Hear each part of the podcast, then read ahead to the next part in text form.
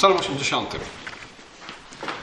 Usłysz, pasterzu Izraela, ty, który jak trzodę prowadzisz ród Józefa, który zasiadasz nad cherubinami. Ukaż się przed Efraimem, Beniaminem i Manassesem.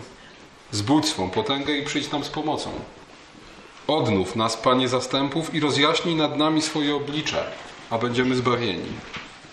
Panie Boże zastępów, jak długo gniewać się będziesz, pomimo modłów Twojego ludu? Nakarmiłeś go chlebem płaczu, obficie napoiłeś łzami.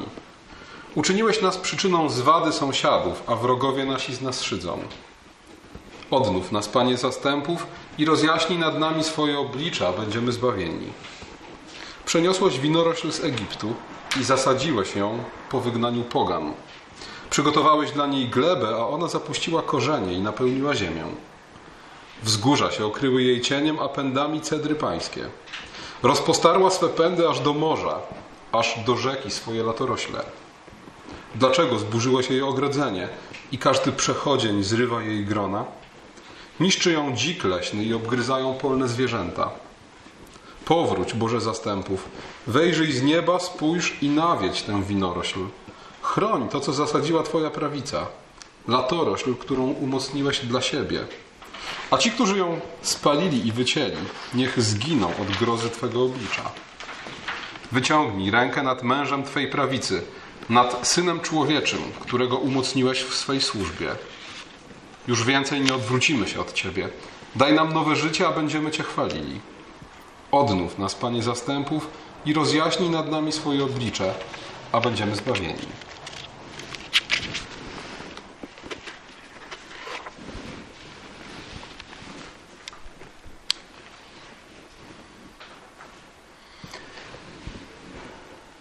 Psalmie 80 znajdujemy obraz winnicy.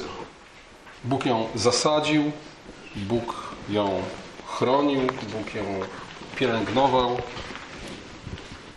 Tą winnicą jest Izrael.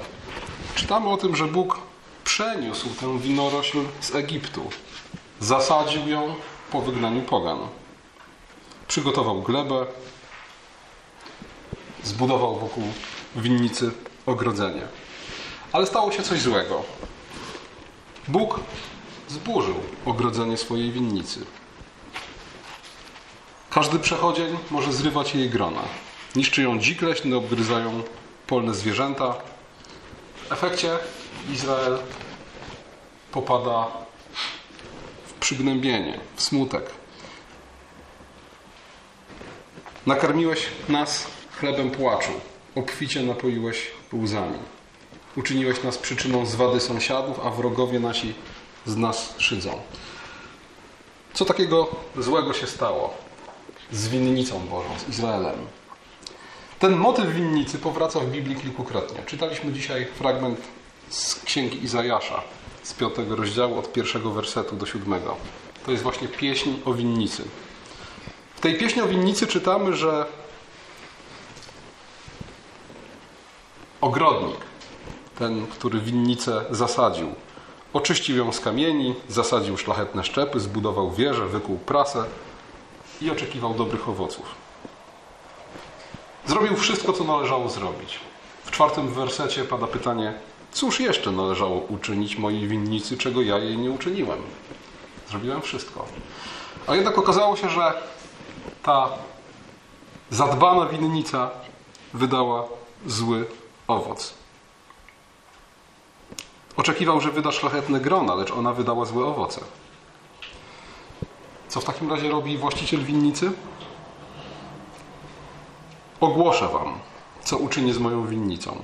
Rozbiorę jej płot, aby ją spasiono, rozwalę jej mur, aby ją zdeptano, zniszczę ją doszczętnie. Nie będzie przycinana ani okopywana, ale porośnie cierniem i ostem.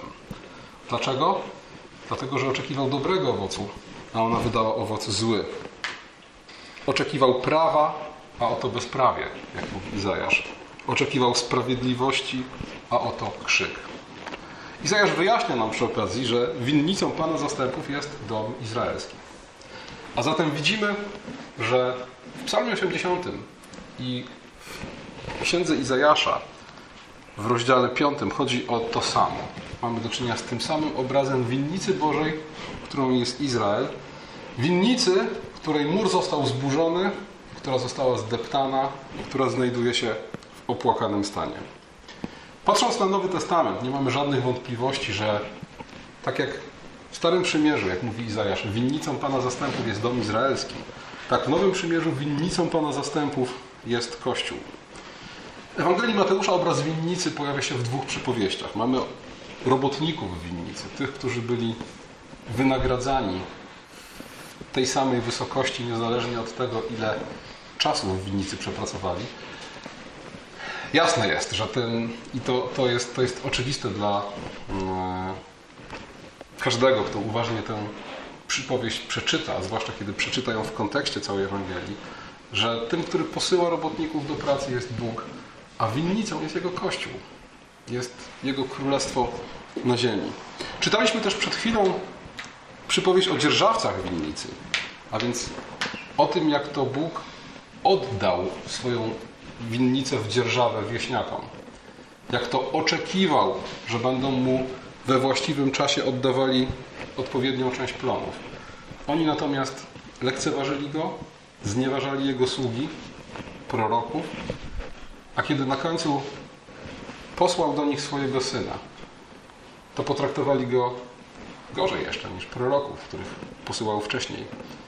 Zamiast uszanować tego, który jest synem właściciela, pomyśleli, jeśli go zabijemy, winnica będzie nasza.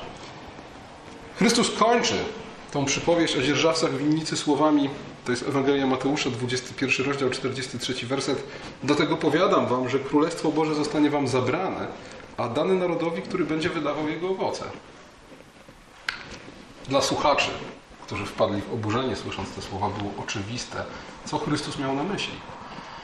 Chrystus wprost powiedział im: Słuchajcie, winnica Pana zastępów, Jego królestwo na ziemi, Jego rola Boża zostanie zabrana Wam, Izraelitom według ciała, Wam, tej strukturze społeczno-religijnej, jaką był współczesny Chrystusowi Izrael i oddany nowym dzierżawcom. To oczywiście była zapowiedź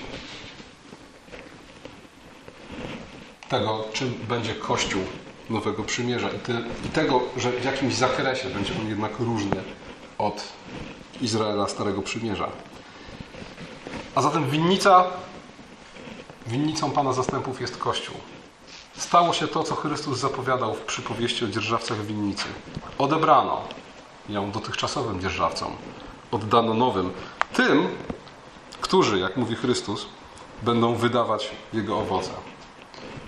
Owoce, o których mówi Chrystus, to oczywiście owoce ducha, miłość, radość, pokój, cierpliwość, uprzejmość, wierność, dobroć. Z listu do Galacjan, 5 rozdział, 22 werset. To wreszcie też owoc światłości, o którym mówi list do Efezjan, 5 rozdział, 9 werset. Owocem światłości jest wszelka dobroć i sprawiedliwość i prawda. Ten obraz winnicy pojawia się też w księdze Jeremiasza. Tam z kolei w drugim rozdziale, 21 wersecie czytamy Zasadziłem cię jako szlachetną winorośl, szczep prawdziwy, a zmieniłaś się w, krzew zwyrodniały, w winorośl dziką. I jeszcze jeden obraz z księgi Ozeasza, bardzo ciekawy, pierwszy werset dziesiątego rozdziału. Izrael to bujny krzew winny, obficie owocujący. Im więcej miał owocu, tym więcej budował ołtarzy. Im urodzajniejsza była jego ziemia, tym piękniejsze stawiał posągi. Tutaj z nutką drwiny wręcz prorok wypomina Izraelowi, że im bardziej Bóg im błogosławił, tym bardziej oni pogrążali się w odstępstwie. Bo te ołtarze i posągi, o których tu jest mowa, to oczywiście ołtarze i posągi pogańskie, takie, których Izraelu być w ogóle nie powinno.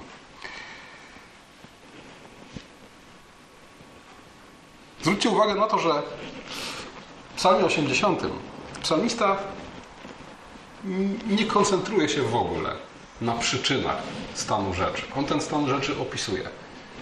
Winnica pańska jest w opłakanym stanie. Ale nie skupia się na przyczynach tego stanu rzeczy, w odróżnieniu od Izajasza, który te przyczyny opisuje. Izajasz mówi, oczekiwałem dobrego owocu, wydaliście zły. Dlatego zburzyłem mur. Dlatego wydałem winnicę na pastwę dzikich zwierząt i szabrowników. Jest oczywiście pewna sugestia w psalmie 80. Jaka jest przyczyna obecnego stanu rzeczy. W 19 wersecie czytamy już więcej nie odwrócimy się od Ciebie. Skoro psalmista staje przed Bogiem i mówi już więcej nie odwrócimy się od Ciebie, to jest to jakby sugestia i przyznanie, że obecny opłakany stan winnicy pańskiej jest, wynika z grzechu. W innych fragmentach, takich jak u Izajasza, ta kwestia jest mocno podkreślona. Dlaczego? Te dwa teksty różnią się od siebie przeznaczeniem i przesłaniem.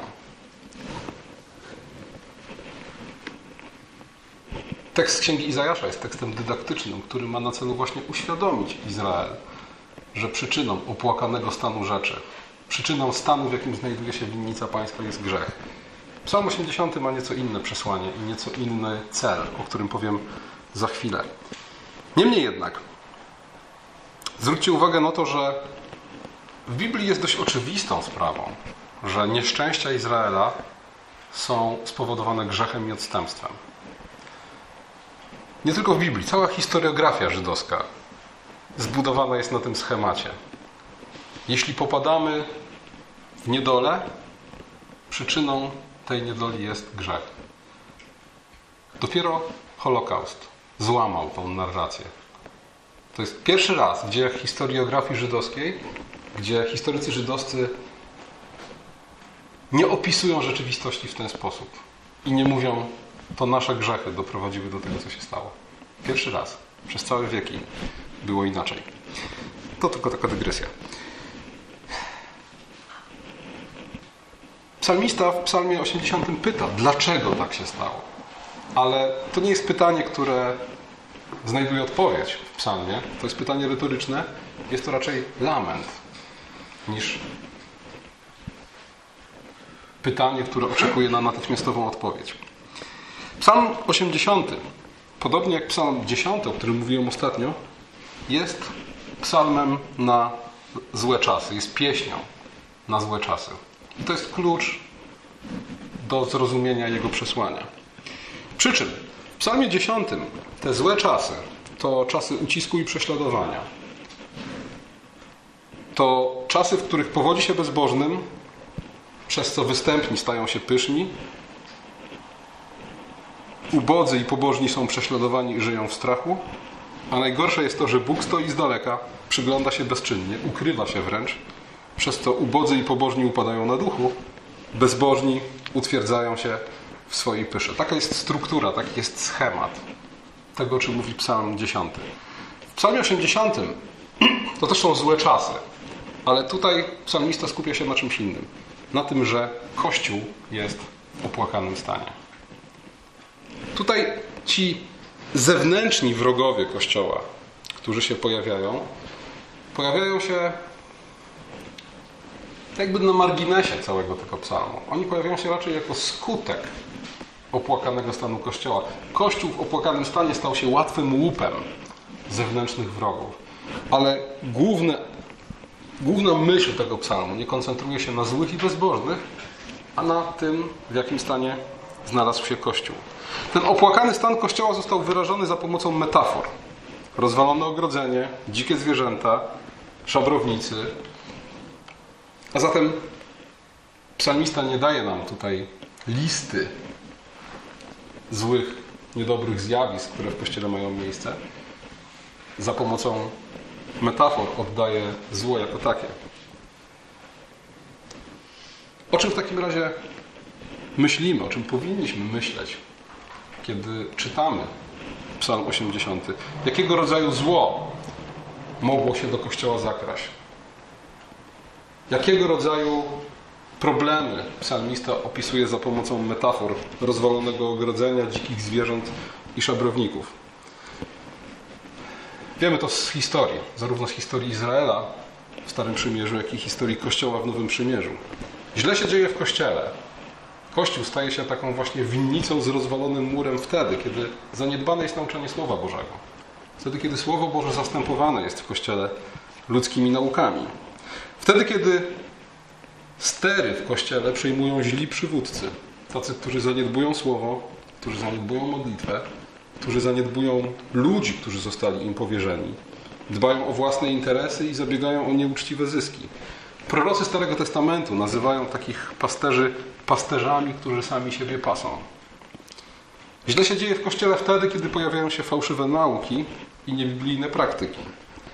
Zresztą fałszywe nauki zwykle prowadzą do niebiblijnych praktyk. Niebiblijne praktyki zwykle utwierdzają w Kościele fałszywe nauki. Źle się dzieje wtedy, kiedy Kościół staje się oziębły, kiedy, tak jak czytamy w Księdze Objawienia, traci swoją pierwszą miłość, kiedy przestajemy się o siebie nawzajem modlić, kiedy przestajemy się o siebie nawzajem troszczyć, kiedy przestajemy sobie nawzajem pomagać. Wtedy, kiedy pojawiają się podziały w Kościele, wtedy, kiedy pojawia się niemoralność, tolerancja dla grzechu, a niekiedy nawet afirmacja grzechu. Mieliśmy do czynienia w historii Kościoła kilka razy z sytuacją, w, którą, w, w których ludzie Kościoła afirmowali zbrodnie. Dzisiaj mamy często do czynienia z sytuacją, kiedy ludzie Kościoła afirmują niemoralność pod pozorem otwarcia Kościoła na wszystkich ludzi, na wszystkich, e, niezależnie od orientacji i różnego rodzaju innych cech. Każda z tych rzeczy, czy to lokalnie, czy to globalnie, powoduje, że Kościół przypomina w efekcie tę winnicę z rozwalonym murem, tę podeptaną winnicę, o którym mówi Psalm 10, Psalm 80. Jaki jest cel tego psalmu?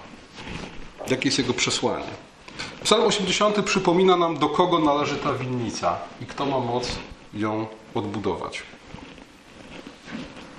Moc tę posiada Bóg. Bóg może odnowić swoją winnicę. On posyła swoje słowo. Słowo, które osądza fałszywe nauki i niebiblijne praktyki. On odmienia lub usuwa złych przywódców Kościoła. On osądza grzech, który jest pośród nas. On zasypuje podziały, które są między nami i wreszcie On pobudza do wzajemnej miłości. Z tej świadomości, do kogo należy winnica i z tej świadomości, że to Bóg ma moc odnowić znajdujący się w opłakanym stanie Kościół, wynika bardzo wyraźny w tym psalmie priorytet modlitwy. Pierwszą rzeczą, jaką powinienem zrobić, widząc Kościół w opłakanym stanie, jest modlitwa. Trzy razy w psalmie powtarza się formuła Odnów nas, Panie, zastępów i rozjaśnij nad nami swoje oblicze, a będziemy zbawieni.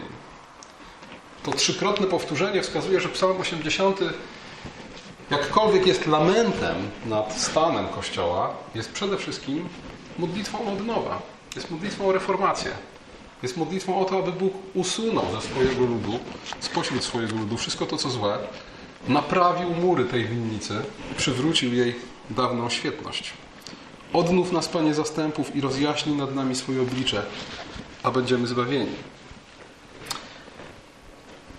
Ale słuchajcie, to jest nie tylko wezwanie do modlitwy, to jest też pewne zobowiązanie, bo psalmista wzywa do modlitwy, ale z drugiej strony w tym dziewiętnastym wersecie, który już cytowałem, mówi już więcej nie odwrócimy się od Ciebie. A więc po pierwsze modlimy się, ale po drugie ta modlitwa prowadzi nas do pytania, co ja powinienem czynić?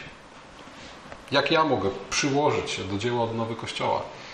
Nigdy już nie odwrócimy się od Ciebie. Szczera modlitwa o odnowienie Kościoła, jeśli rzeczywiście wypływa z naszego serca, ona nie pozostawi nas bezczynnymi. Jak być może oglądaliście film Cienista Dolina biograficzny o C.S. Lewisie, tam się pojawia krótka scena, w której C.S. Lewis w rozmowie z jednym z profesorów Oxfordu na temat modlitwy mówi modlitwa nie zmienia Boga, modlitwa zmienia mnie. To jest prawda. Oczywiście za pomocą modlitw swoich świętych Bóg kształtuje historię, odpowiadając na modlitwy. No ale Bóg jest niezmienny. Tak? Modlitwa Jego samego w Jego istocie nie zmienia. Modlitwa zmienia nas. Jeśli z mojego serca wypływać będzie szczera modlitwa o odnowę Kościoła, to taka modlitwa mnie zmieni, zmieni mnie, przemieni mnie. Nie pozostawi mnie obojętnym. Poprowadzi mnie do pytania, co ja mogę zrobić, aby Kościół odbudować w tych miejscach, w których jest zniszczony. I oczywiście każdy z nas ma swoje powołanie, każdy z nas ma swoje miejsce w Kościele, każdy z nas ma swoje obdarowania, każdy z nas w inny sposób może się przyczynić do odnowy i odbudowy Kościoła. Przede wszystkim poprzez wydawanie owoców, o których mówi Słowo. Poprzez wzajemną miłość, poprzez służbę, poprzez troskę jedni o drugich, poprzez zabieganie o pomyślność Kościoła we wszystkich aspektach jego pracy i działalności. Szczera modlitwa o odnowienie Kościoła nie pozostawi nas bezczynnymi. Dalej słuchajcie, zwróćcie uwagę na to, że wezwanie, ta modlitwa odnów nas, jest jednocześnie wezwaniem do sądu nad Kościołem.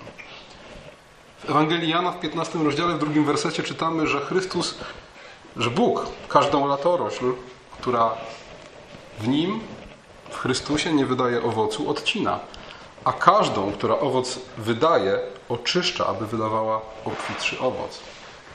A zatem musimy być, musimy zdawać sobie z tego sprawę, że kiedy wzywamy Boga, aby odnowił swój Kościół, wzywamy Go, aby rozprawił się z grzechem w Kościele. Czyli do pewnego stopnia, w pewnym sensie, aby zrobił porządek również z każdym z nas.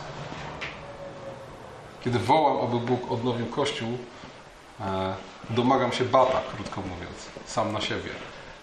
Powinienem robić to ze świadomością tego, czego się domagam i zawsze w modlitwie o odnowienie Kościoła powinno, powinien towarzyszyć rachunek sumienia i wyznanie grzechu.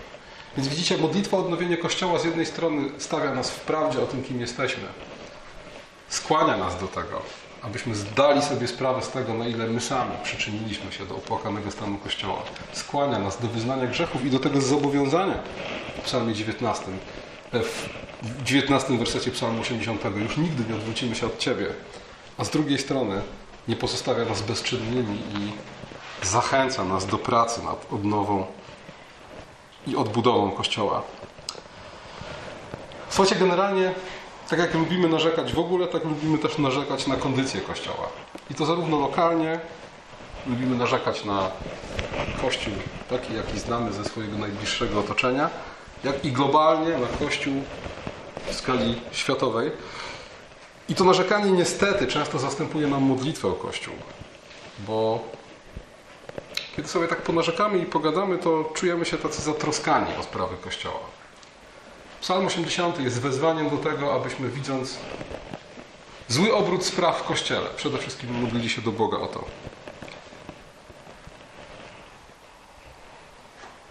Aby ta energia, którą mamy, nie, nie, nie szła, aby ta para nie szła w gwizdek, abyśmy zamiast narzekać czy martwić się, to już taka trochę bardziej pobożna forma narzekania, skupili się na modlitwie i pracy dla Kościoła. Modlić się i pracować dla odnowy Kościoła znajdującego się w opłakanym stanie. Możemy i powinniśmy z nadzieją, że praca ta przyniesie efekty. W Księdze Izajasza w 27 rozdziale, w drugim wersecie o Kościele winnicy pańskiej czytamy. W owym dniu będą mówić rozkoszna winnica, śpiewajcie o niej. Ja, Pan, jestem jej stróżem, nieustannie ją nawadniam, pilnuje jej dniem i nocą, aby nikt na nią się nie targnął. Widzicie skontrastowany obraz. Z jednej strony Izajasz 5 rozdział i Psalm 80, który przedstawia winnicę spustoszoną, z rozwalonym murem, zniszczoną. Winnicę, która nawet jeśli jakiś owoc wydaje, to ten owoc jest marnowany, bo pustoszy ją dziki zwierz, a to, co wyrośnie, zrywają szabrownicy, zrywają przechodnie. To jest stan, z którym ma do czynienia psalmista. To jest stan, z którym na pewno możemy powiedzieć o sobie, też mamy do czynienia, kiedy spojrzymy na wiele aspektów Kościoła i moralnych, i, i, i, i teologicznych, i jakichkolwiek innych. Widzimy Kościół słaby, widzimy Kościół podzielony, widzimy Kościół afirmujący grzech. To jest ten moment, w którym jesteśmy, w którym bywamy. Ale z drugiej strony, zabierając się do modlitwy, zabierając się do pracy nad odnową Kościoła, możemy robić to z nadzieją, że ten trud nie będzie bezowocny. Dlatego, że w proroczych zapowiedziach widzimy Kościół odnowiony. Widzimy Kościół, który jest nawodnioną i strzeżoną dniem i nocą winnicą. Amen.